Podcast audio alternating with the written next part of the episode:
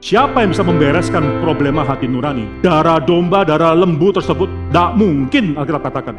Reformasi yang paling besar bukan dilakukan oleh Martin Luther, reformasi yang terbesar dilakukan oleh imam besar yang demikian agung ini. Effort apa, usaha apa yang sedang kita lakukan di hadapan Tuhan yang membuat kita akhirnya membanggakan diri di hadapan Tuhan, itu semua sia-sia, itu agama sia-sia. Buang itu semua habis. Maka hari ini saya mau ajak kita memikirkan suatu hal yang mungkin kita sudah lama pikir, mungkin kita mengerti, tapi kita harus mengerti lebih mendalam lagi. Betapa lebihnya darah Kristus tersebut. Ini yang dimiliki oleh agama Kristen, oleh kekristenan. Yang tidak mungkin dimiliki oleh semua agama yang lain, itu darah Kristus itu yang menjadikan perbedaan.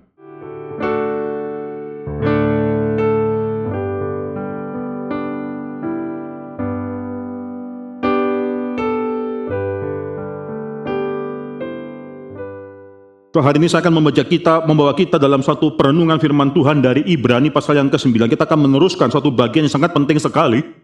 Ibrani pasal yang ke-9 kita akan masuk dalam pembacaan ayat yang ke-11 sampai ke-15. Sebelumnya saudara saya akan membawa kita dalam membaca ayat ke-8, 9, dan 10. Saudara akan membaca bersama-sama dengan suara yang keras. Ayat yang ke-11 sampai dengan ayat yang 14. Demikianlah firman Tuhan bagi kita pada sore hari ini.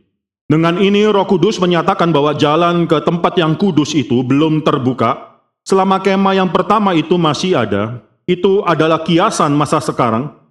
Sesuai dengan itu dipersembahkan korban dan persembahan yang tidak dapat menyempurnakan mereka yang mempersembahkannya menurut hati nurani mereka.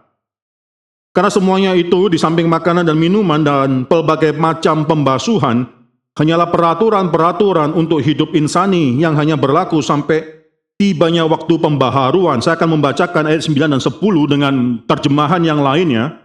Kau perhatikan ayat 9 dan 10 itu adalah kiasan masa sekarang sesuai dengan itu dipersembahkan korban dan persembahan bagi mereka yang mempersembahkan tapi yang tidak dapat memperbaharui atau menyempurnakan hati nurani mereka. 10 karena semuanya itu baik makanan dan minuman dan pelbagai macam pembasuhan hanyalah peraturan-peraturan untuk hidup insani atau hidup lahiria saja yang hanya berlaku sampai tibanya waktu pembaharuan. Mari kita membacakan ayat 11 sampai 14 bersama-sama. Dua, tiga. Tetapi Kristus telah datang sebagai imam besar untuk hal-hal yang baik yang akan datang. Ia telah melintasi kemah yang lebih besar dan yang lebih sempurna, yang bukan dibuat oleh tangan manusia, artinya yang tidak termasuk ciptaan ini, dan ia telah masuk satu kali untuk selama-lamanya ke dalam tempat yang kudus, bukan dengan membawa darah domba jantan dan darah anak lembu, tapi dengan membawa darahnya sendiri dan dengan itu ia telah mendapat kelepasan yang kekal. Sebab jika darah domba jantan dan darah lembu jantan dan percikan abu lembu muda menguduskan mereka yang najis, sehingga mereka disucikan secara lahiriah, Betapa lebihnya darah Kristus yang oleh roh yang kekal telah mempersembahkan dirinya sendiri kepada Allah sebagai persembahan yang tak bercacat akan menyucikan hati nurani kita dari perbuatan-perbuatan yang sia-sia supaya kita dapat beribadah kepada Allah yang hidup. Mari kita tundukkan kepala dan kita masuk di dalam doa. Bapak dalam surga kami sudah membuka sebagian daripada firman Tuhan. Kayaknya apa yang kami baca dalam kitab Ibrani menjadi suatu hal yang akhirnya menguatkan kita pada hari ini, mengorientasikan hidup kita semua, sehingga kami menjadi anak-anak Tuhan yang mengerti bagaimana Tuhan adalah Tuhan yang mediator yang lebih sempurna, yang lebih tinggi. Ada hal yang demikian indah yang harus kami pelajari ya Tuhan, bahwa kami dalam ibadah pada pagi hari ini, semua pergumulan hidup kami, baik kami yang berada dalam ruangan ini maupun mereka yang mengikuti secara live stream, secara daring, kami memiliki pergumulan hidup karena kami adalah orang-orang yang sementara, tapi biarlah tidak ada satu pergumulan hidup kami yang menjadi fokus perhatian kami pada sore hari ini. Biarlah firman Tuhan itu menguatkan kami. Berkatilah pemberitaan firman Tuhan ini, berkatilah hambamu. Bila firman Tuhan ini berbicara kepada hambamu, sebagaimana firman Tuhan ini berbicara kepada anak-anak Tuhan yang menantikan firman Tuhan. Misalkan semua dalam nama Tuhan Yesus Kristus kami berdoa dan mengucap syukur. Amin. Setelah minggu lalu kita sudah bicara mengenai satu hal yang sangat unik sekali, yaitu bicara mengenai tenda. Penulis Ibrani membandingkan tenda yang sejati dengan tenda yang ada di rumah dan menarik sekali penulis Ibrani tidak berbicara menggunakan kata yaitu bait Allah tapi tenda. mengingatkan orang-orang anak-anak Tuhan, orang Kristen pada zaman itu bahwa mereka pernah memiliki tenda di mana Tuhan hadir dalam tenda tersebut. Bukan bait Allah gedung yang mereka banggakan, bait Allah daripada Herodes pada saat itu yang diperbaharui oleh Herodes. Second Temple Judaism pada saat itu itu membanggakan bait Allah yang demikian besar tapi sudah tidak ada tabut perjanjian yang merupakan simbol daripada kehadiran Allah di tempat yang maha kudus. Tapi diingatkan mereka diingatkan bahwa tenda yang berada bersama dengan mereka di padang gurun tersebut, walaupun sederhana, walaupun hanya terdiri daripada kain, tapi di dalam tempat yang maha kudus di tenda tersebut, itu ada kehadiran daripada Tuhan dan itu yang paling penting. Nah, penulis Ibrani mengajak kita untuk mengerti mengenai tenda tersebut dan sekali lagi saudara mengerti bagaimana tenda itu akhirnya ada pelataran yang umum, tapi ada dua tempat yang sangat spesial sekali. Total itu seperti suatu persegi panjang, ukurannya 10 hasta kali 30 hasta. Jadi di tempat yang pertama, di tenda yang pertama, atau dikatakan tempat kudus, itu kira-kira 10 hasta kali 20 hasta. Itu dipanggil tempat kudus dan dipisahkan dengan tempat yang maha kudus, 10 kali 10 hasta suatu bujur sangkar yang menandakan suatu kesempurnaan. Di tempat yang maha kudus tersebut itu adalah tabut perjanjian kehadiran Allah dan antara tempat yang kudus dan tempat yang maha kudus itu ada tirai yang menutupi. Saudara bisa melihat dalam Ibrani pasal yang ke-9 itu antara tempat yang kudus dan tempat yang maha kudus, penulis Ibrani membedakan pelayan-pelayannya. Dikatakan dalam tempat yang kudus, tenda yang pertama yang di depan tersebut, itu imam-imam senantiasa melayani Tuhan, masuk di sana melayani Tuhan, melakukan ibadah mereka di sana. Di tempat yang maha kudus itu dikatakan hanya imam besar yang bisa masuk, satu kali satu tahun masuk. Sebelum dia masuk, dia harus meminta pengampunan, bukan untuk semua umat yang diwakilkan oleh dia, tapi juga untuk dirinya sendiri. Dia masuk dengan membawa darah. Ini pembeda yang kedua. Kalau tadi imam-imam yang di luar di tempat kudus, tapi hanya imam besar yang bisa masuk ke dalam. Pembeda kedua adalah ketika imam besar masuk ke dalam, dia harus masuk dengan darah. Dia harus masuk dengan darah. Dengan imam-imam ketika masuk di dalam tempat yang kudus, melayan di sana, tidak perlu masuk dengan darah. Ini menunjukkan suatu hal yang sangat menarik sekali. Yaitu bahwa ibadah daripada manusia itu tidak pernah bisa masuk ke hadapan Tuhan. Sampai sedekat mungkin dengan Tuhan tidak bisa. Perlu ada suatu darah, konsep darah ini demikian penting dan nanti penulis Ibrani kan bicara mengenai darah, yaitu darah daripada Kristus. Itu yang membuat suatu pembedaan yang sangat besar sekali antara perjanjian lama dan perjanjian baru. Yaitu darahnya yang demikian berbeda. Bahkan penulis Ibrani nanti akan bicara mengenai darah, the power atau kuasa daripada darah Kristus yang tidak dimiliki oleh darah-darah yang pernah dicurahkan dalam perjanjian lama. Saya akan bicarakan mengenai hal ini nanti, saudara. Tapi saudara perhatikan dalam tenda tersebut, yaitu ada tirai menunjukkan satu hal, ada dua hal yang membuat akhirnya manusia tidak bisa masuk ke tempat yang maha kudus. Tirai tersebut pertama menunjukkan bahwa ada suatu kebenaran daripada Tuhan yang merintangi manusia untuk bisa masuk. Manusia adalah manusia yang berdosa. Tuhan adalah Tuhan yang suci. Oleh karena itu tirai tersebut memisahkan antara manusia yang berdosa dan Tuhan yang suci. Kalaupun imam besar masuk, dia hanya bisa masuk satu kali dan harus keluar lagi karena dia tidak bisa masuk selama-lamanya di sana. Dia tidak bisa masuk dan tinggal selama-lamanya di sana karena dia adalah orang yang berdosa. Dia tidak layak untuk tinggal di tempat yang maha kudus. Hanyalah kehadiran Tuhan di sana. Tapi akhirnya manusia tidak bisa menghampiri Tuhan itu karena ada satu dosanya mereka.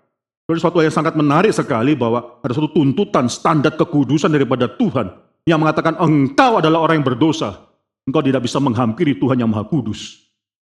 Tirai tersebut memisahkan Tuhan yang Maha Kudus dan umatnya yang berdosa. Yang kedua yang membuat akhirnya manusia tidak bisa menghampiri Tuhan itu bukan cuma tirai tersebut, tapi juga hati nurani manusia. Hati nurani manusia itu membuat manusia sadar bahwa dia adalah orang yang berdosa.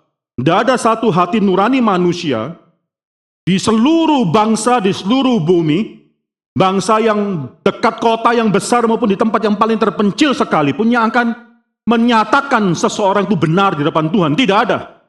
Semua hati nurani itu sudah menyatakan bagaimana manusia itu berdosa. Tidak ada mungkin satu hati nurani manusia yang membebaskan manusia daripada kebersalahannya dia. status bagaimana dia adalah orang yang berdosa. Saudara manusia sadar bahwa dia adalah orang yang berdosa. Maka saudara perhatikan dalam ayat yang ke-9 di sana, ayat uh, Ibrani pasal 9 ke 9, saudara perhatikan di sana, penulis Ibrani mengatakan suatu kalimat, itu semua korban-korban perjanjian lama itu tidak bisa menyempurnakan hati nurani mereka yang mempersembahkan korban tersebut. Ini suatu pernyataan yang luar biasa sekali. Hati nurani mereka terus menghakimi mereka, menyadarkan mereka bahwa mereka adalah orang yang berdosa. Siapa yang bisa menyelesaikan problem hati nurani? Siapa yang bisa menyelesaikan problem hati nurani sehingga kita bisa mengatakan bahwa kita adalah orang yang kudus, yang sudah dibenarkan dan kita layak, hati nurani kita menyatakan bahwa kita layak masuk, dilayakkan lebih tepat saudara, dilayakkan masuk dalam tempat yang maha kudus tersebut. Itu penulis Ibrani nanti akan bicara, yaitu darah Kristus. Saudara. Tidak bisa dilakukan dengan cara yang lain kecuali dengan darah Kristus. Saudara, saya minggu lalu mengatakan suatu perumpamaan yang sangat menarik sekali ketika Yesus mati di kayu salib, itu tirai yang memisahkan tempat kudus dan tempat yang maha kudus itu disobek oleh Tuhan, dirobek, tirai itu sobek Dikatakan dalam Matius pasal 27 ayat 51 dari atas sampai bawah sobek. Menyatakan satu hal, tirai itu sudah tuntas disobek oleh Tuhan. Tirai itu sebut tidak sobek sampai separuh berhenti. Lalu orang masih berpikir bahwa ya ini menunjukkan bahwa sebenarnya tempat kudus dan tempat maha kudus itu masih ada pemisahan. Tidak, itu disobek dari atas sampai bawah. Menyatakan bahwa apa yang dilakukan oleh Tuhan Yesus Kristus sudah tuntas. Tapi apa yang dilakukan oleh para imam dan imam besar setelah itu, mereka melihat tirai itu dan mereka melihat bagaimana mereka mereka bisa melihat masuk ke dalam tempat yang maha kudus. Tempat itu kosong. Tapi mereka sadar bahwa mereka tidak seharusnya bisa melihat tempat tersebut. Mereka akan menjahit kembali tirai tersebut. Ini suatu ironis yang sangat besar sekali. Mereka merasakan tradisi harus memisahkan mereka dari tempat yang maha kudus. Maka ketika Tuhan sudah merobek tirai tersebut, mereka menjahit kembali dengan tangan mereka dan akhirnya mereka tetap memisahkan diri dengan tempat yang maha kudus. Mengapa? Hati nurani mereka mengatakan mereka tidak worthy untuk bahkan melihat masuk dalam tempat yang maha kudus. Itu tempat yang maha kudus itu demikian luar biasa. Saudara jangan pikirkan bahwa melihat ke dalam tabut perjanjian itu suatu hal yang fatal. Atau bahkan memegang tabut perjanjian itu bisa mendatangkan kematian. Bahkan ngintip di belakang tirai tempat yang maha kudus itu mendatangkan kematian. Saudara. Hanya satu orang yang bisa masuk, imam besar setiap tahun masuk untuk minta pengampunan bagi dosa satu bangsa, tapi dia harus masuk dengan darah minta pengampunan bagi dosanya sendiri. Rani penulis Ibrani sangat membedakan sekali mengenai dua hal ini, saudara. Saudara, pada hari ini, saudara bisa melihat, saya akan membawa kita melihat dalam ayat yang ke-8 terlebih dahulu, ada beberapa hal yang mau saya tekankan lebih daripada minggu lalu. Di sana dikatakan dengan ini, roh kudus menyatakan bahwa jalan ke tempat yang kudus itu belum terbuka. So, jalan tersebut dikatakan di sini belum terbuka. Bukan mengatakan Roh Kudus, bukan mengatakan bahwa jalan tersebut tidak akan terbuka, tapi jalan tersebut belum terbuka. Saya percaya ini dikatakan kepada mereka yang masih dalam konsep perjanjian atau covenant di Old Covenant perjanjian lama. Roh Kudus berbicara kepada mereka, tirai tersebut jalan untuk masuk dalam tempat yang maha kudus itu belum terbuka. Belum terbuka. Ada saatnya nanti itu akan terbuka. Di sini penulis Ibrani mengatakan dalam Ibrani pasal 9 ke 10, ya, semuanya itu, semua yang mereka lakukan, baik itu makanan, minuman, dan pelbagai macam pembasuhan, itu hanyalah peraturan-peraturan untuk hidup lahiriah, insani, yang hanya berlaku sampai tibanya waktu pembaharuan. Atau di dalam bahasa Inggrisnya ada time for reformation. Reformasi yang paling besar bukan dilakukan oleh Martin Luther, reformasi yang terbesar dilakukan oleh imam besar yang demikian agung ini. Time for reformation comes, maka pada saat itu dia menyatakan bagaimana dia adalah imam besar bagi perjanjian yang baru, suatu reformation, suatu pembaharuan terjadi. Roh Kudus mengingatkan mereka di dalam Old Covenant people, orang-orang perjanjian lama mengatakan bahwa ini tidak akan selama-lamanya ditutup tirai ini. Itu yang dikatakan oleh penulis Ibrani di sini, bahwa jalan tersebut itu bukan selama-lamanya itu, tapi jalan tersebut belum terbuka. Ini mengkontraskan dengan apa yang dilakukan oleh orang-orang yang beragama pada saat ini. Roh Kudus kan berbicara kepada mereka, tidak mungkin itu akan terbuka. Tapi berbeda kepada anak Tuhan, Roh Kudus mengatakan itu belum terbuka. Tapi bagi mereka yang bukan anak Tuhan, Roh Kudus menyatakan bagaimana itu tidak akan mungkin bisa terbuka jalan tersebut dengan cara-cara mereka. Tapi satu kalimat yang sangat menarik sekali di sini mengatakan bahwa jalan ke tempat yang kudus itu, tempat di belakang tempat yang maha kudus sebenarnya, itu belum terbuka. Ada satu kalimat yang lainnya, ayat yang ke-8, selama kema yang pertama itu masih ada. Orang-orang pada perjanjian lama sadar, harusnya disadarkan mengenai hal ini, selama kemah yang di depan itu masih ada dan mereka terus melakukan ibadah di sana itu jalan itu belum terbuka masuk tempat yang maha kudus. Tapi bukan hanya berbicara kepada orang-orang perjanjian lama, Old Covenant people, tapi juga berbicara pada kita semua pada saat ini, mengatakan bahwa jalan seharusnya sudah terbuka karena Kristus sudah mati sekayu salib dan Tuhan sudah menyobek tirai dalam bait Allah. Tapi sering kali kita menutup jalan tersebut dengan melakukan ibadah-ibadah yang tidak berkenan kepada Tuhan. Apa maksudnya ibadah yang tidak berkenan dengan Tuhan? Nanti kita akan singgung sedikit itu dikatakan dalam pasal 9 ke-14. Di sana dikatakan ada suatu perbuatan yang sia-sia.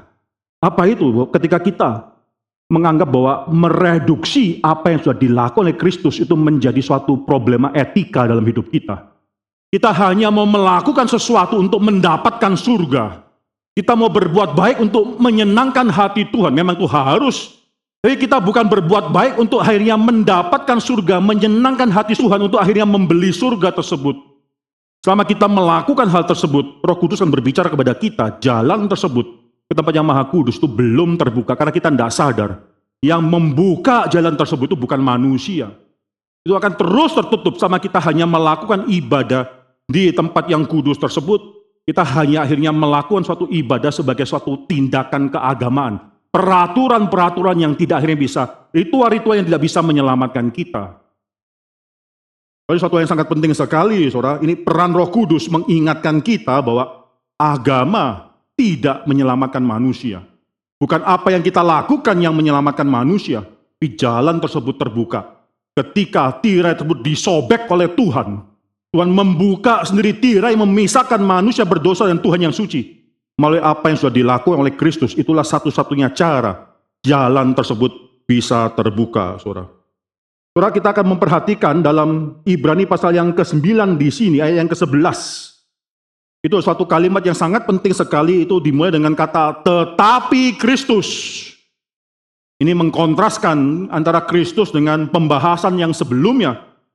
Saudara, di dalam ayat yang pertama itu ada kata yang diterjemahkan dalam bahasa Indonesia sebagai memang perjanjian yang pertama atau dalam bahasa lainnya sekarang perjanjian yang pertama itu maksud yang lebih tepat dalam Ibrani pasal 9 ke 1. Di penulis Ibrani membandingkan antara now di dalam perjanjian uh, uh, 9 ke 1 dengan but Christ dalam 9 ke 11. Dan ayat 11 memulai suatu chapter yang baru yang membandingkan antara mengkontraskan antara Ibrani pasal 9 ke 1 dengan yang akan datang itu pekerjaan daripada mediator yang lebih utama. Sedemikian pentingnya pekerjaan dari mediator ini sehingga ayat ke-15 menyimpulkan suatu kalimat.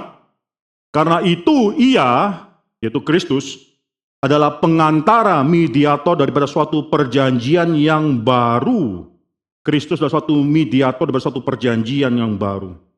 Saudara, kalau saya perhatikan dari Ibrani pasal yang ke-8, pasal yang ke-9, penulis Ibrani sudah mengatakan bahwa Kristus adalah mediator yang lebih baik. Penekanan selama ini hanya dalam satu fakta bahwa Kristus adalah mediator yang lebih baik dari dua hal. Yang pertama, Kristus adalah mediator yang lebih baik karena tenda di mana Kristus masuk adalah tenda yang lebih baik. Itu penekanan yang pertama. Penekanan yang kedua, penulis Ibrani dalam Ibrani pasal 8 yang ke-9 juga mengatakan, khususnya Ibrani pasal 8 mengatakan Kristus adalah mediator yang lebih baik karena dia adalah mediator dari perjanjian yang lebih baik. Pasal 8, coba kita baca Saudara. Pasal 8 ayat ke-6. Ya, itu dikatakan di sana, tetapi sekarang ia telah mendapat suatu pelayanan yang jauh lebih agung karena ia menjadi pengantara daripada perjanjian yang lebih mulia atau yang lebih baik yang didasarkan atas janji yang lebih tinggi tersebut. Polisi Ibrani so far sudah mengatakan bahwa Kristus adalah mediator yang lebih baik karena dua hal ini. Tenda di mana Kristus masuk itu lebih baik dan perjanjian yang dimediasi oleh Kristus adalah suatu perjanjian yang lebih tinggi, lebih mulia, lebih baik. Didasarkan atas suatu janji yang lebih tinggi. Ketika berbicara mengenai tenda, saudara bisa melihat dalam ayat yang pertama, saudara bisa melihat ayat yang pertama dari pasal yang ke-8, saya bacakan, ayat kedua maaf, ayat kedua dari pasal yang ke-8, saya baca dari ayat yang pertama, pasal 8 sekali lagi, inti segala yang kita bicarakan itu ialah, kita mempunyai imam besar yang demikian yang duduk di sebelah kanan takhta yang maha besar di sorga, dua, dan yang melayani ibadah di tempat kudus, yaitu di dalam kemah sejati, the true sanctuary, the true tent, yang didirikan oleh Tuhan dan bukan oleh manusia. Ini sudah membandingkan bagaimana Kristus adalah satu imam besar yang demikian berbeda. Ini diulangi lagi penekanan dalam ayat yang ke pasal yang ke-9 ayat yang pertama.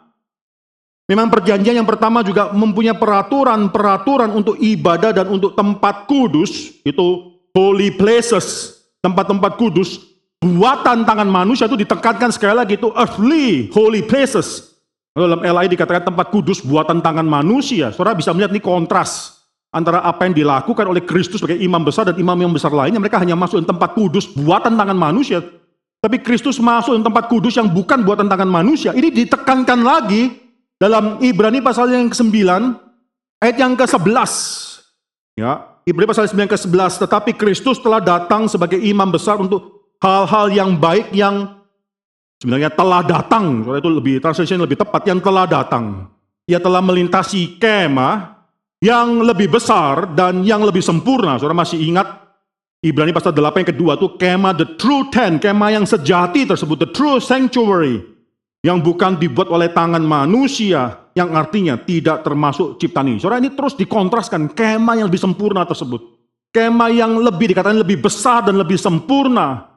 Imam besar kita masuk dalam kemah yang demikian.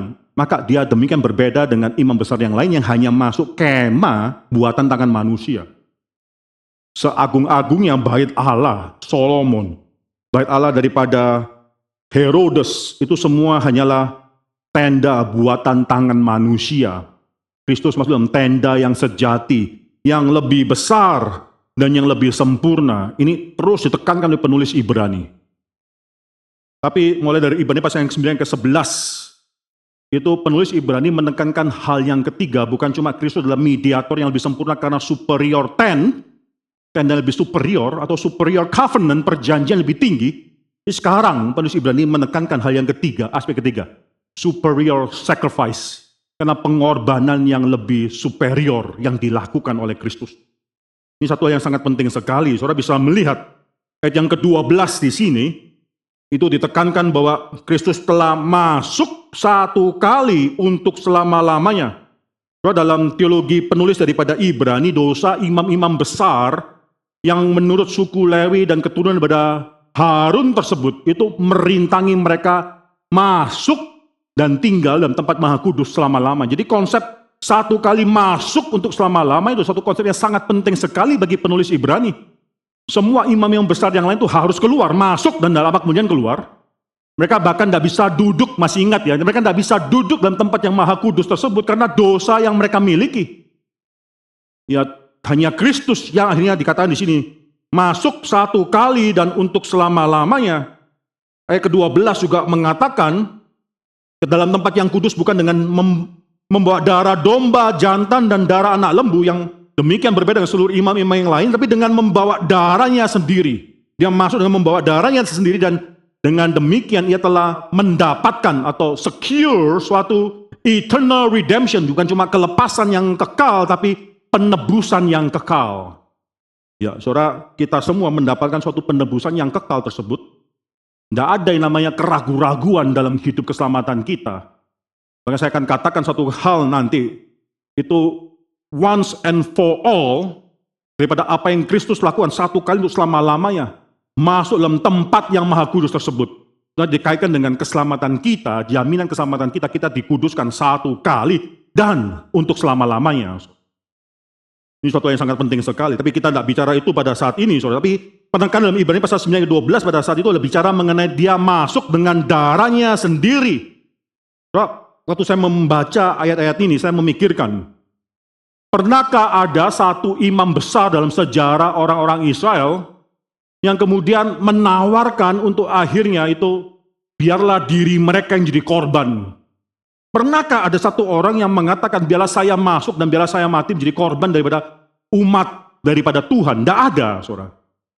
Tidak ada. Dan kalaupun ada orang yang mengatakan demikian, Allah di surga akan mengatakan, you are not worthy.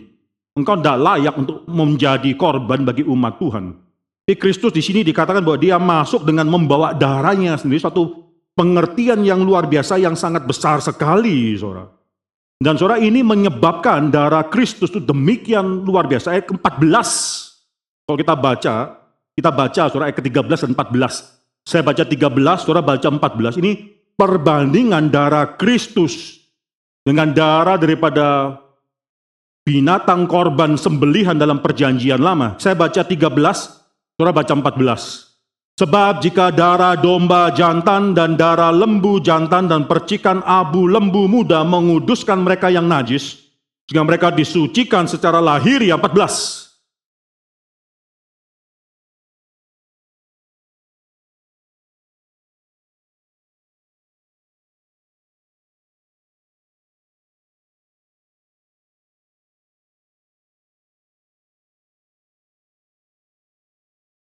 Coba penulis Ibrani mengatakan satu kalimat di sini ayat 13 itu membandingkan compare darah Kristus dengan darah domba jantan dengan darah lembu jantan anak lembu jantan.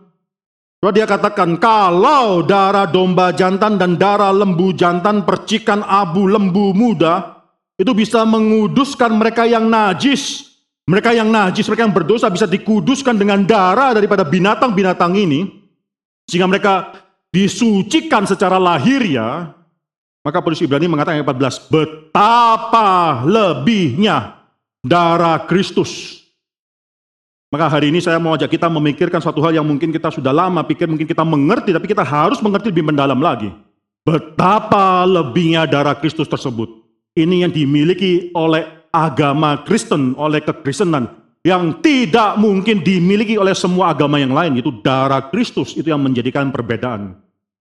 Penulis Ibrani akan mengatakan di sini pada akhirnya yang memisahkan antara Tuhan dan juga umat Tuhan itu bukan tirai, benar tirai memisahkan, benar kebenaran dan righteousness Tuhan itu memisahkan, tapi bukan itu problema yang paling akhir. Yang memisahkan antara Tuhan dan umat Tuhan itu bukan hati nurani daripada manusia yang berdosa, itu benar. Tapi bukan itu alasan yang terakhir. Tapi yang memisahkan antara Tuhan yang Maha Kudus dan manusia yang berdosa adalah sacrifice korbannya, darahnya.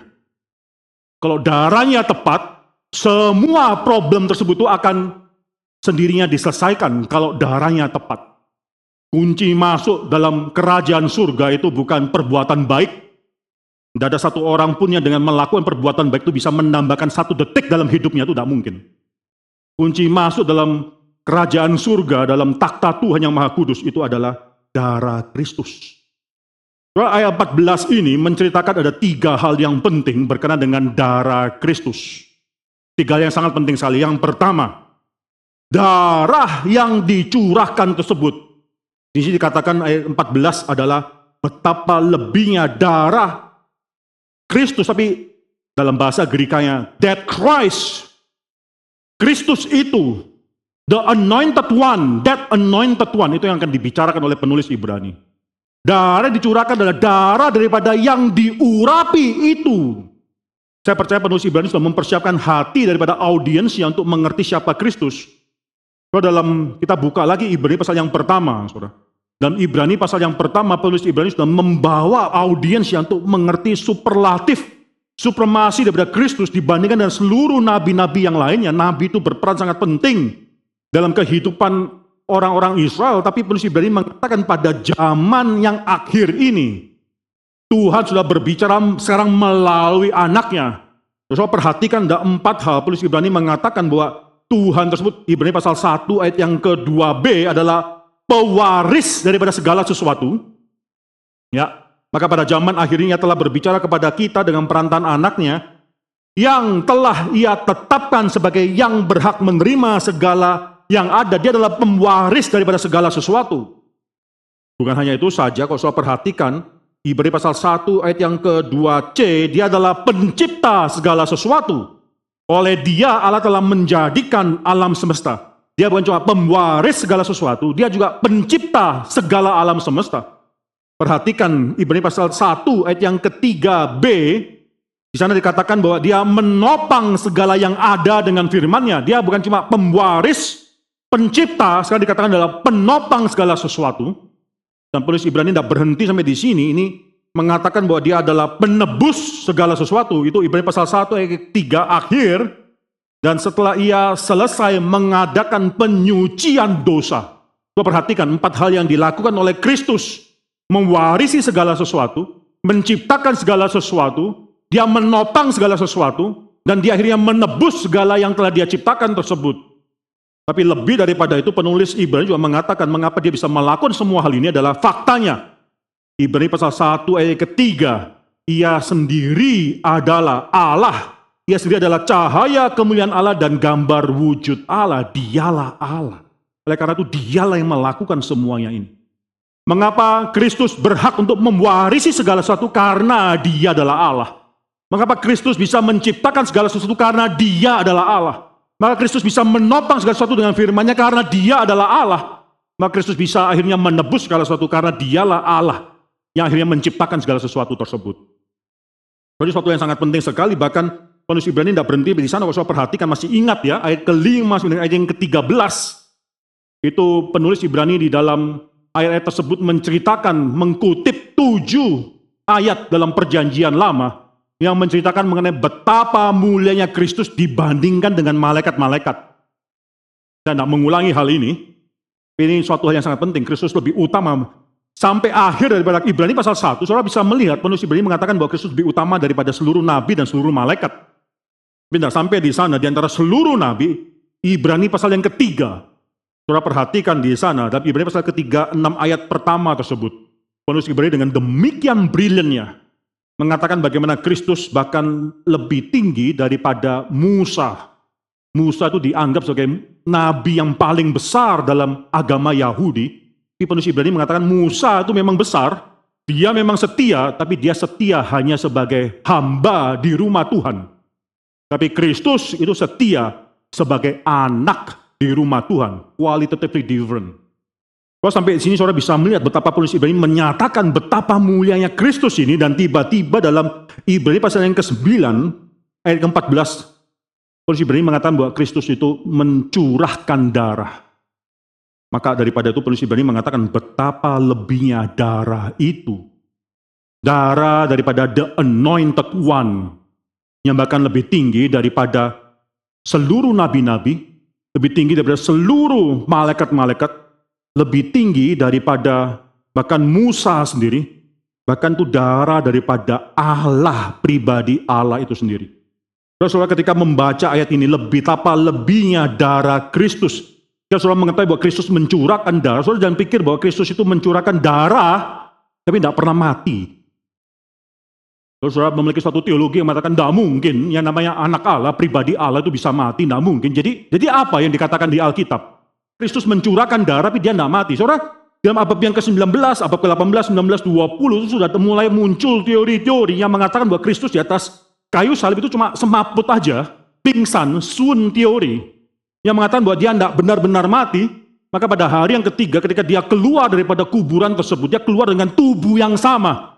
Dia mati. Ini banyak orang-orang liberal sudah mengatakan kalimat yang sama bukan karena mereka tidak percaya pada kebangkitan Kristus bahwa Kristus adalah Allah. Mereka tidak percaya hal tersebut. Tapi karena mereka hanya mengatakan Kristus itu orang biasa. Orang biasa tidak mungkin mengalami kebangkitan. Orang biasa tidak mungkin akhirnya bisa mengalami apa yang dikatakan oleh Alkitab terus menerima tubuh kemuliaan. Orang biasa ya di atas kayu salib. The only natural explanation bagi kebangkitan, quote and quote kebangkitan itu adalah dia sebenarnya cuma pingsan saja. Dan tiga hari kemudian dia bangkit. Kalau tanpa sadar kita mungkin, walaupun kita tidak mengakui kita memiliki teori sun teori semacam demikian, tapi banyak orang Kristen yang tidak bisa menerima fakta bahwa Kristus mati di kayu salib. Pribadi Allah benar-benar mati, pribadi Allah anak. Bukan Allah di tunggal, saudara. Pribadi Allah anak benar-benar mati mengalami kematian di atas kayu salib. Bagaimanakah mungkin kalau Allah, dia adalah Allah, dia bisa mati di kayu salib. Rasio kita, pengertian kita itu semua didasarkan daripada firman Tuhan itu sendiri. Kita bukan menghakimi firman Tuhan dengan rasio kita, tapi firman Tuhan menghakimi rasio kita. kita memiliki teologi yang sesuai dengan apa yang Alkitab katakan. Mari kita buka kisah Rasul, saudara. Kita buka kisah Rasul, kisah para Rasul, ayat yang pasal yang ketiga. Kisah Rasul pasal yang ketiga, di sana dalam khotbah daripada Petrus di Serambi Salomo, ayat yang ke-15. Petrus mengatakan suatu kalimat yang sangat penting sekali saya bacakan. Demikianlah ia, pemimpin kepada hidup telah kamu bunuh.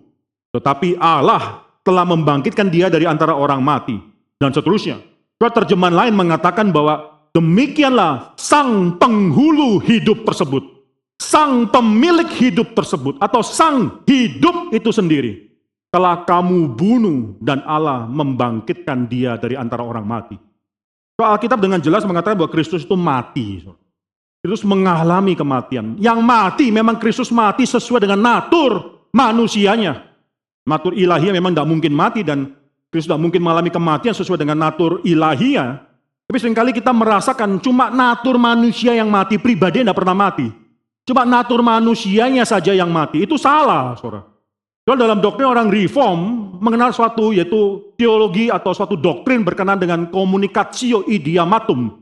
Itu maksudnya adalah komunikasi di antara dua properti itu tidak mungkin bisa saling berkomunikasi demikian, tapi harus melalui pribadi.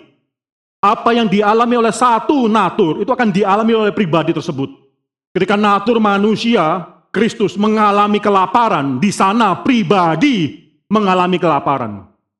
Pribadi Kristus, anak Allah tersebut, itu mengalami kelaparan. Ketika natur manusia Kristus tubuhnya berhenti bernafas. Ketika tubuhnya berhenti, jantungnya berhenti berdetak.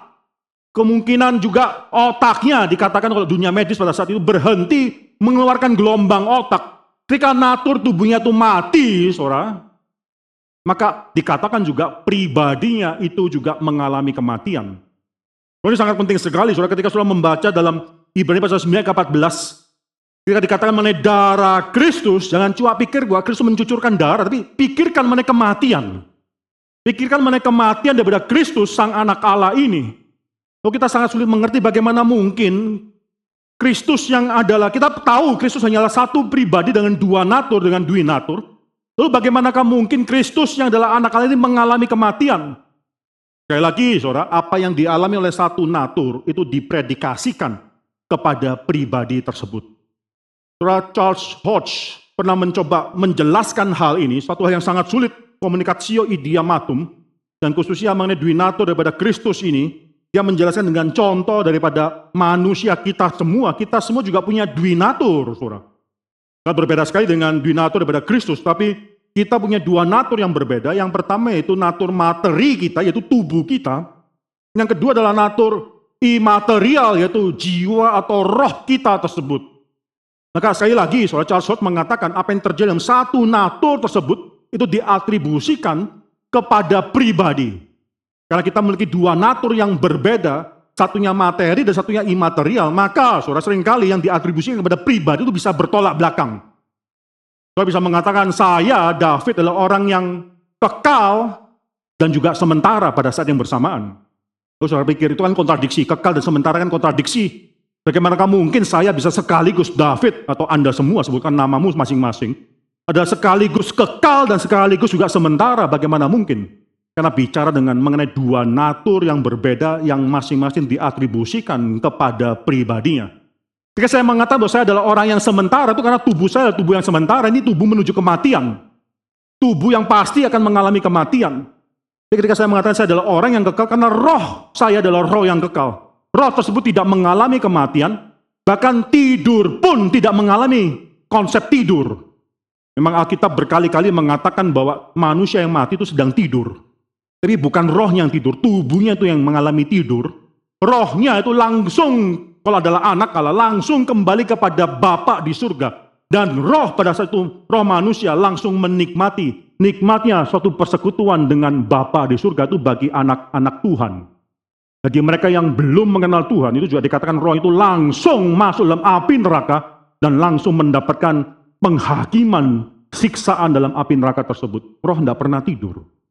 Roh tidak pernah mati, roh tidak pernah mengalami kematian, oleh karena itu roh dikatakan sebagai suatu hal yang kekal dan Oleh karena itu apa yang diatribusikan atau dikatakan bahwa satu natur diatribusikan kepada pribadi, saya dikatakan adalah David yang kekal, manusia yang kekal. Sekaligus juga manusia yang temporal. Mari kita buka 2 Korintus, saudara. 2 Korintus pasal 4 yang ke-16, saya bacakan bagi Anda sekalian. Sebab itu kami tidak tawar hati, tetapi meskipun manusia lahiriah kami semakin merosot, namun manusia batinia kami dibaharui dari sehari ke sehari. Ini satu orang yang sama, Paulus bisa mengatakan bahwa ada dua macam, my outer self dan my inner self. My outer self itu merosot sehari demi sehari itu semakin lama semakin lemah. Tubuh menuju kepada kematian itu my outer self, but my inner self. Atau dalam bahasa Indonesia itu manusia batiniah kami itu my inner self. Rohku diperbaharui sehari demi sehari. Roh ini bagaimana kita bisa mengerti bagaimana Allah anak yaitu Yesus Kristus satu pribadi dengan dua natur tersebut itu bisa mengalami kematian. Karena apa yang diatribusikan, yang terjadi dalam satu natur diatribusikan kepada pribadi. Roh Kristus, orang harus percaya bahwa Kristus anak Allah itu mati di atas kayu salib. Kalau saudara tidak mengerti mengenai hal ini, Kau tidak mengerti apa yang dikatakan oleh penulis Ibrani di sini. Dia mengatakan darah Kristus, betapa lebihnya darah Kristus itu bukan cuma mencucurkan darah, enggak. Tapi together with it, kematian daripada the anointed one yang sudah diurapi sedemikian rupa itu mati di kayu salib. Maka kematian binatang-binatang tersebut tidak ada artinya, saudara. Incomparable. Sama seperti Kristus masuk tenda yang bukan buatan tangan manusia, atau dalam Ibrani pasal 9 ayat ke-11 yang bukan termasuk dunia ini. Demikian juga kematian daripada Kristus itu demikian berbeda karena itu bukanlah kematian daripada ciptaan. Saudara itu kematian daripada sang pencipta. Penghulu hidup tersebut itu mati kayu salib. Betapa lebih besarnya darah Kristus tersebut. Kita bisa mengerti hal ini. Yang kedua, dikatakan di sini, ayat 14 kita baca sekali lagi, betapa lebihnya darah Kristus yang oleh roh yang kekal telah mempersembahkan dirinya sendiri kepada Allah sebagai persembahan yang tak bercacat. Saudara saya mau garis bawahi kata tak bercacat di sana. Kristus ketika mempersembahkan dirinya itu sebagai suatu persembahan yang without blemish. Konsep sebagai domba persembahan harus tidak bercacat. Itu satu konsep yang sangat penting sekali. Dalam konsep agama Yahudi. Tapi perhatikan perbedaannya. Orang Yahudi tinggal mencari domba yang paling sempurna yang mereka bisa dapatkan. Mereka bawa dan mereka simpan. Dari Nisan ke-10 sampai Nisan ke-14 bulan Nisan. Hari ke-10 sampai bulan Nisan hari ke-14. Selama 4 hari tersebut. Mereka simpan, pelihara baik-baik binatang tersebut. Kalau binatang itu tidak celaka dan terbukti enggak ada cacat dalam diri binatang tersebut. Mereka bawa binatang tersebut kepada imam-imam. Dan imam mengatakan binatang itu boleh dan layak untuk dipersembahkan. Mereka sembelih binatang tersebut. Jadi ketika Alkitab mengatakan bahwa dia adalah Kristus adalah persembahan yang tak bercacat. Itu perjuangan bukan cuma empat hari atau hari-hari terakhir hidupnya. Tapi seumur hidupnya dia harus melakukan suatu ketaatan, active obedience. Itu yang dimaksudkan di sana. Active obedience of Christ bahwa dia terus-menerus hari demi hari adalah Adam kedua yang akhirnya melakukan ketaatan yang gagal dilakukan oleh Adam pertama. Ini suatu kesulitan yang luar biasa sekali. Ya Kristus mempersembahkan diri sebagai korban itu suatu pengorbanan bukan pada hari-hari terakhirnya tidak. Tapi pada seluruh hidup dia, dia menyerahkan dirinya sebagai domba yang sudah dipersiapkan tersebut. Saya bisa membayangkan dia itu mau tahu dia datang mengapa dia sadar. Dia tahu dia datang untuk mati, dia juga tahu. Dia bicara, kita sudah kata, baca tadi di dalam pembacaan Alkitab bertanggapan bahwa dia berkata kepada muridnya bahwa dia harus mati. Dan dia harus mati dan dia harus dibangkit. Dia sadar dia harus mengalami kematian. Kalau saya percaya dia mempersiapkan dirinya sedemikian rupa sehingga dia menjadi domba Allah yang sempurna tak bercacat tersebut active obedience of Christ. Saya pernah bicarakan mengenai hal ini, saudara.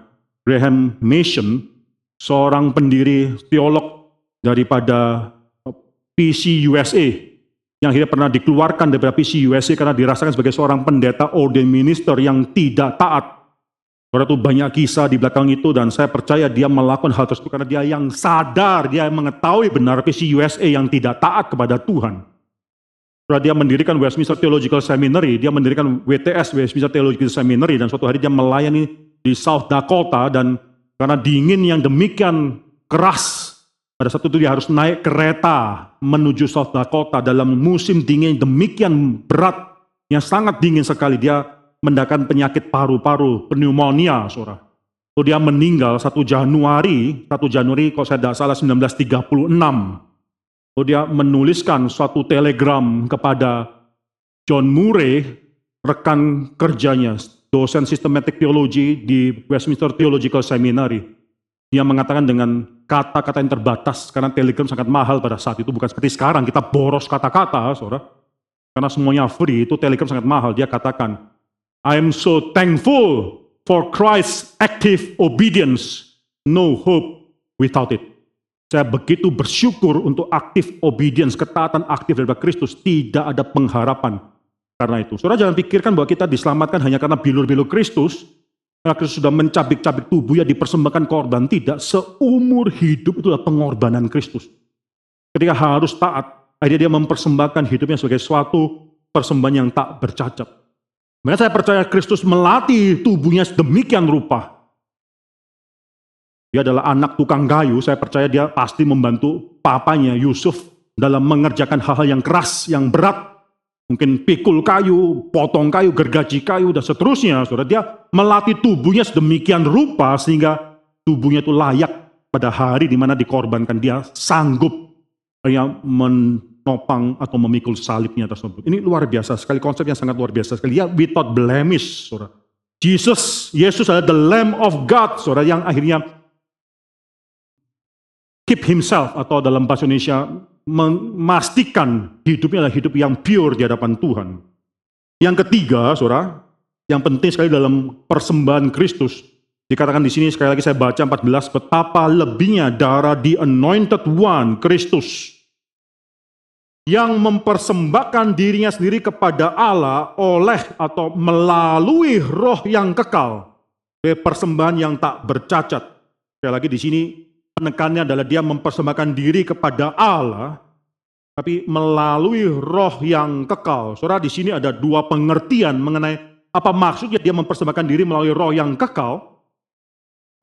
Pengertian yang pertama mengatakan bahwa dia melalui roh kudus, roh kudus itu menaungi dia ketika dia dilahirkan. Roh Kudus itu bersama dengan dia turun mengurapi dia ketika dia dibaptiskan.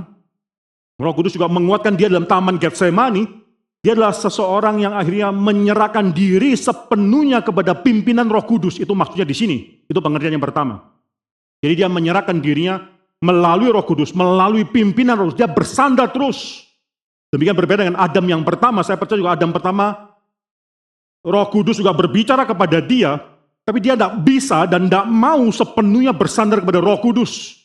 Pada coba yang pertama dia langsung jatuh karena dia mementingkan lahiria dan kenikmatan lahirinya sendiri. Tapi Kristus ini di sini dikatakan bahwa dia itu menyerahkan tubuhnya persembahan sebagai satu persembahan melalui roh yang kekal.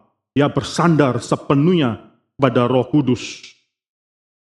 Pengertian kedua berbeda sekali. Pengertian kedua mengatakan ini dikatakan oleh Philip Ryken juga dia mengatakan suatu kalimat bahwa ketika dikatakan di sini bahwa Kristus mempersembahkan tubuhnya atau persembahkan dirinya kepada Allah melalui roh yang kekal itu maksudnya dia adalah rohnya Kristus sendiri.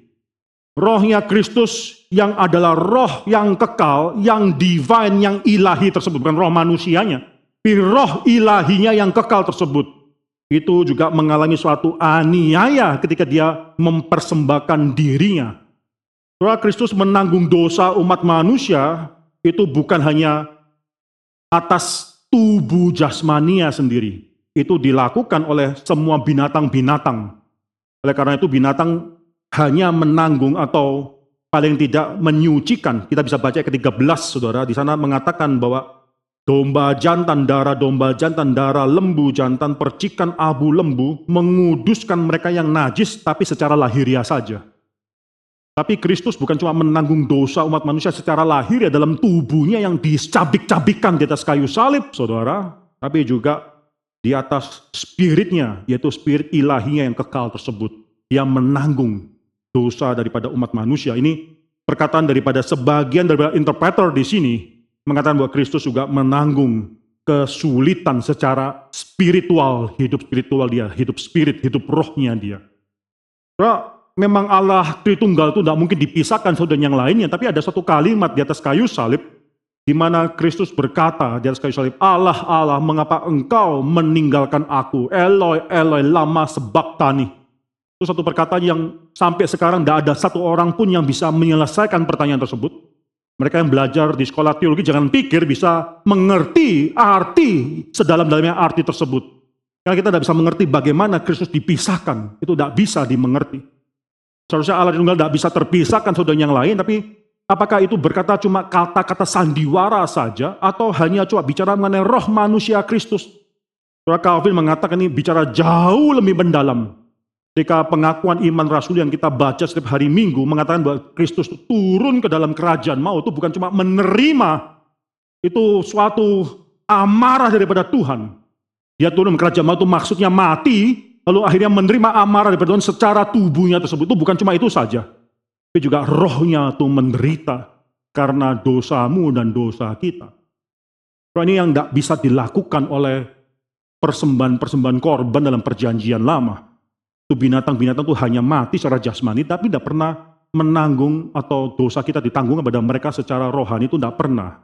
Oleh karena itu tidak heran dalam Ibrani pasal 9 ke 9 itu dikatakan bahwa mereka semua yang mempersembahkan korban ini itu mereka mempersembahkan korban yang tidak bisa menyempurnakan hati nurani mereka. Tidak bisa. Tidak bisa menyempurnakan hati nurani mereka. Tapi nanti hanya Kristus yang bisa menyempurnakan hati nurani kita. Karena dia menanggung, bukan cuma di dalam tubuh dia, penderitaan juga di dalam roh yang kekal dan ilahi tersebut.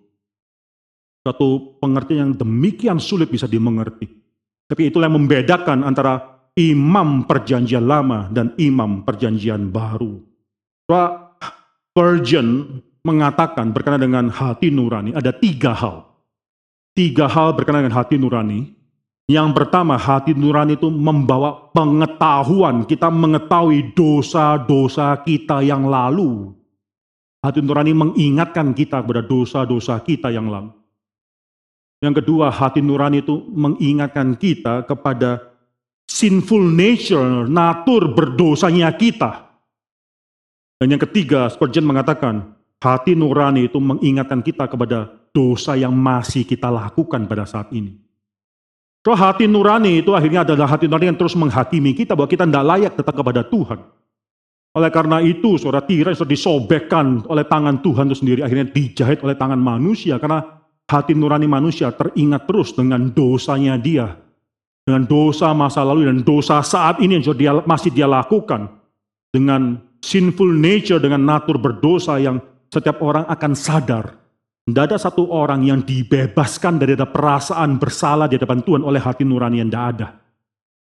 Surah peradaban, kultur bukan menyebabkan orang semakin berdosa, bahkan orang dalam pedalaman yang paling remote sekalipun, yang belum berhadapan atau berinteraksi dengan kebudayaan modern pada saat ini pun, mereka semua juga merasakan bagaimana mereka memiliki dosa di hadapan Tuhan. Kita semua pun memiliki hati nurani yang mengatakan bahwa kita adalah orang berdosa. Kita bisa mengatakan kepada dunia kita adalah orang baik.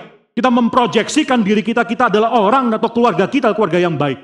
Tapi Tuhan tahu, setan tahu, dan hati nurani kita terus berbicara kepada kita, berteriak kepada kita bahwa kita adalah orang yang berdosa. Siapa yang bisa membereskan problema hati nurani? Darah domba, darah lembu tersebut tidak mungkin Alkitab katakan. Hanya satu yang bisa membereskan problem hati nurani yaitu darah the anointed one, sang Kristus tersebut. Maka di sini saudara, ini menjadikan pembeda yang sangat luar biasa besar. Penulis Ibrani akan menekankan nanti mengenai keutamaan Kristus karena sacrifice yang dia berikan tersebut semua imam besar masuk dalam tempat maha kudus dengan darah, bukan cuma darah orang lain, bukan, darah ciptaan lain, binatang lain. Tapi Kristus masuk dalam tempatnya maha kudus dengan darahnya sendiri. Luar biasa perbedaan ini. Saudara. Siapakah yang bisa menyelesaikan problema daripada hati nurani? Kristus dan darah Kristus. Saudara, di sini mungkin banyak ada orang yang bergumul, sebagian bergumul, banyak orang yang bergumul, semua orang berdosa pasti bergumul di dalam dosa mereka. Kita bukan hidup di dalam dosa, tapi kita masih bergumul dengan dosa. Kita bukanlah orang-orang yang sudah menjadi malaikat masuk ke surga yang tidak bisa berdosa lagi. Suami dan istri sekali berkata-kata satu dengan yang lain dengan kata-kata yang tidak membangun. Kita berdosa dengan karakter kita, kita terus berdosa dengan perkataan kita, perbuatan kita, pikiran kita, semua melakukan dosa, saudara. Tapi pada hari ini firman Tuhan di atas mimbar ini menyampaikan satu berita. Engkau bisa masuk, kalau engkau adalah anak Tuhan, engkau bisa masuk ke dalam tempat yang maha kudus tersebut.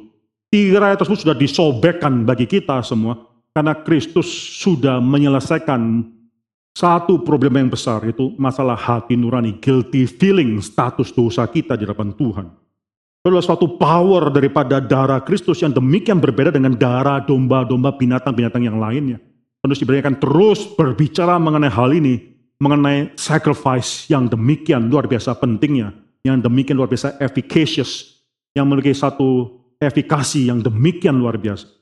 Roh hadis akan menutup firman Tuhan ini dengan membicarakan ayat yang 11 dan yang ke-12. Mari kita membaca sekali lagi ayat yang ke-11 dan ayat ke-12 bersama-sama.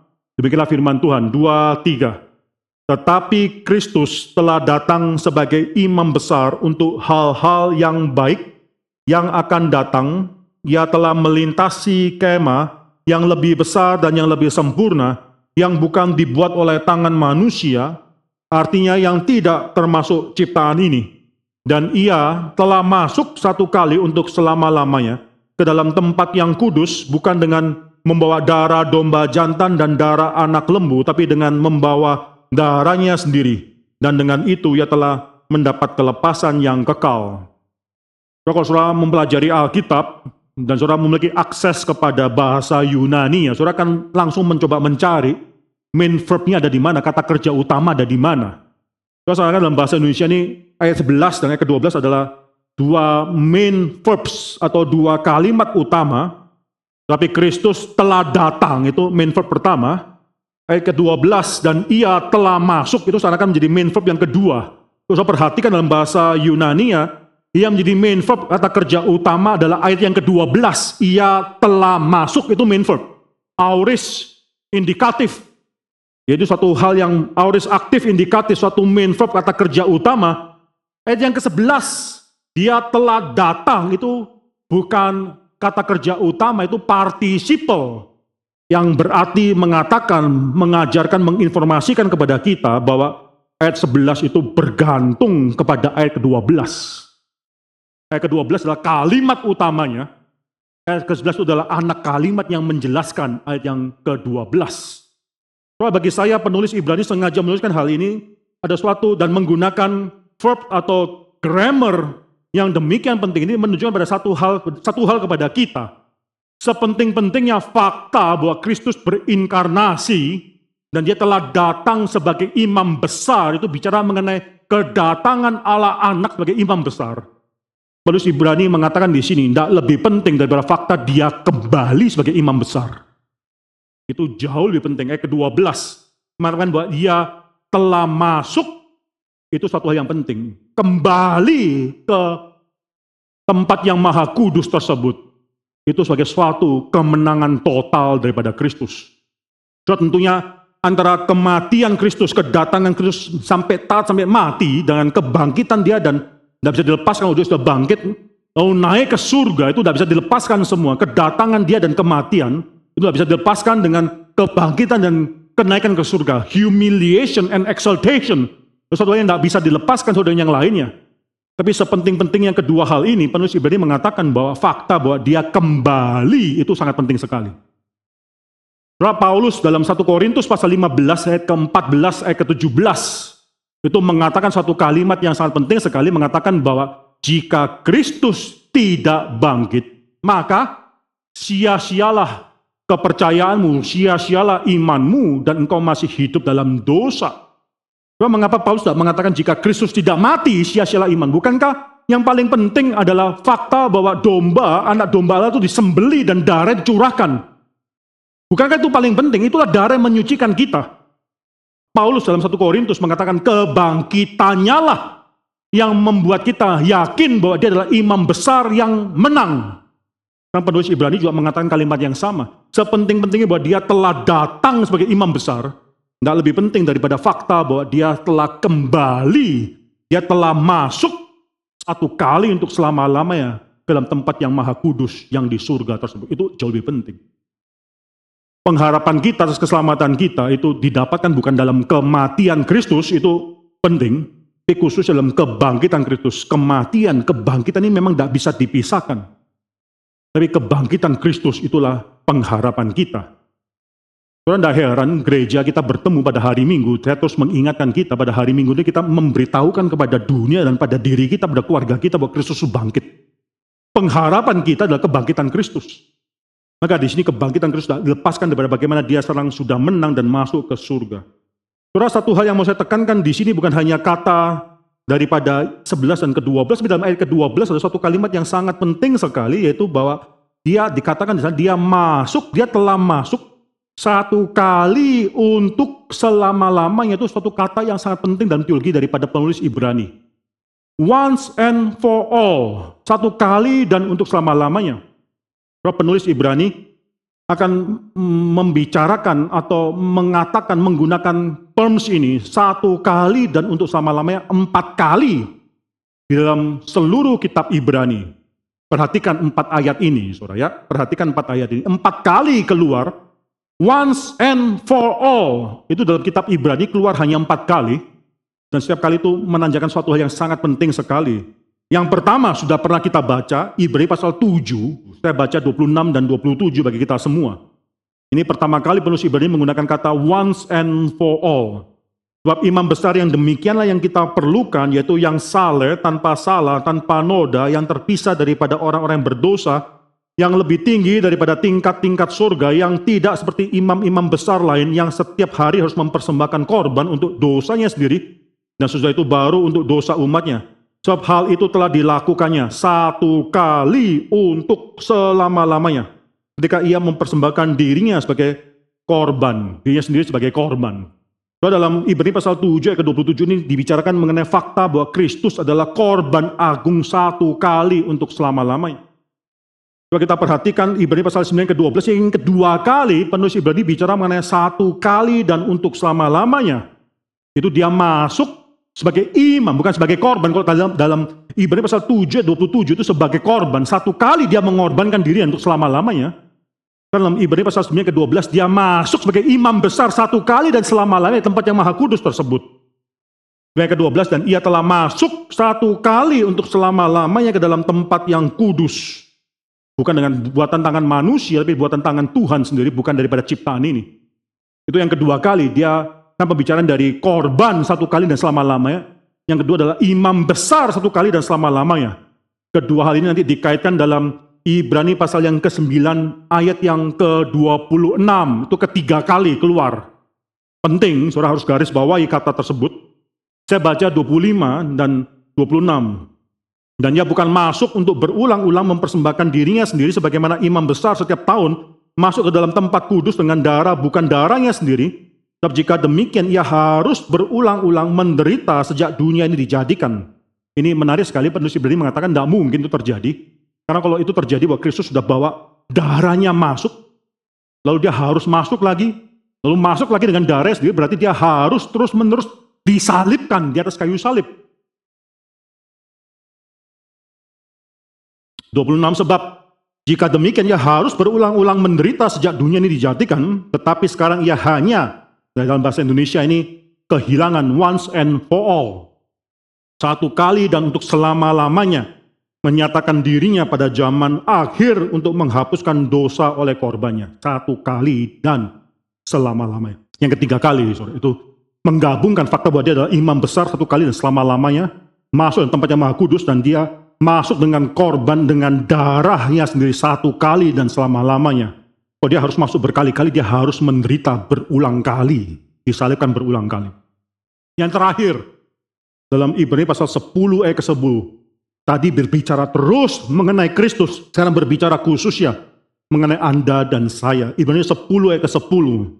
Dan karena kehendaknya inilah kita telah dikuduskan satu kali untuk selama-lamanya oleh persembahan tubuh Yesus Kristus.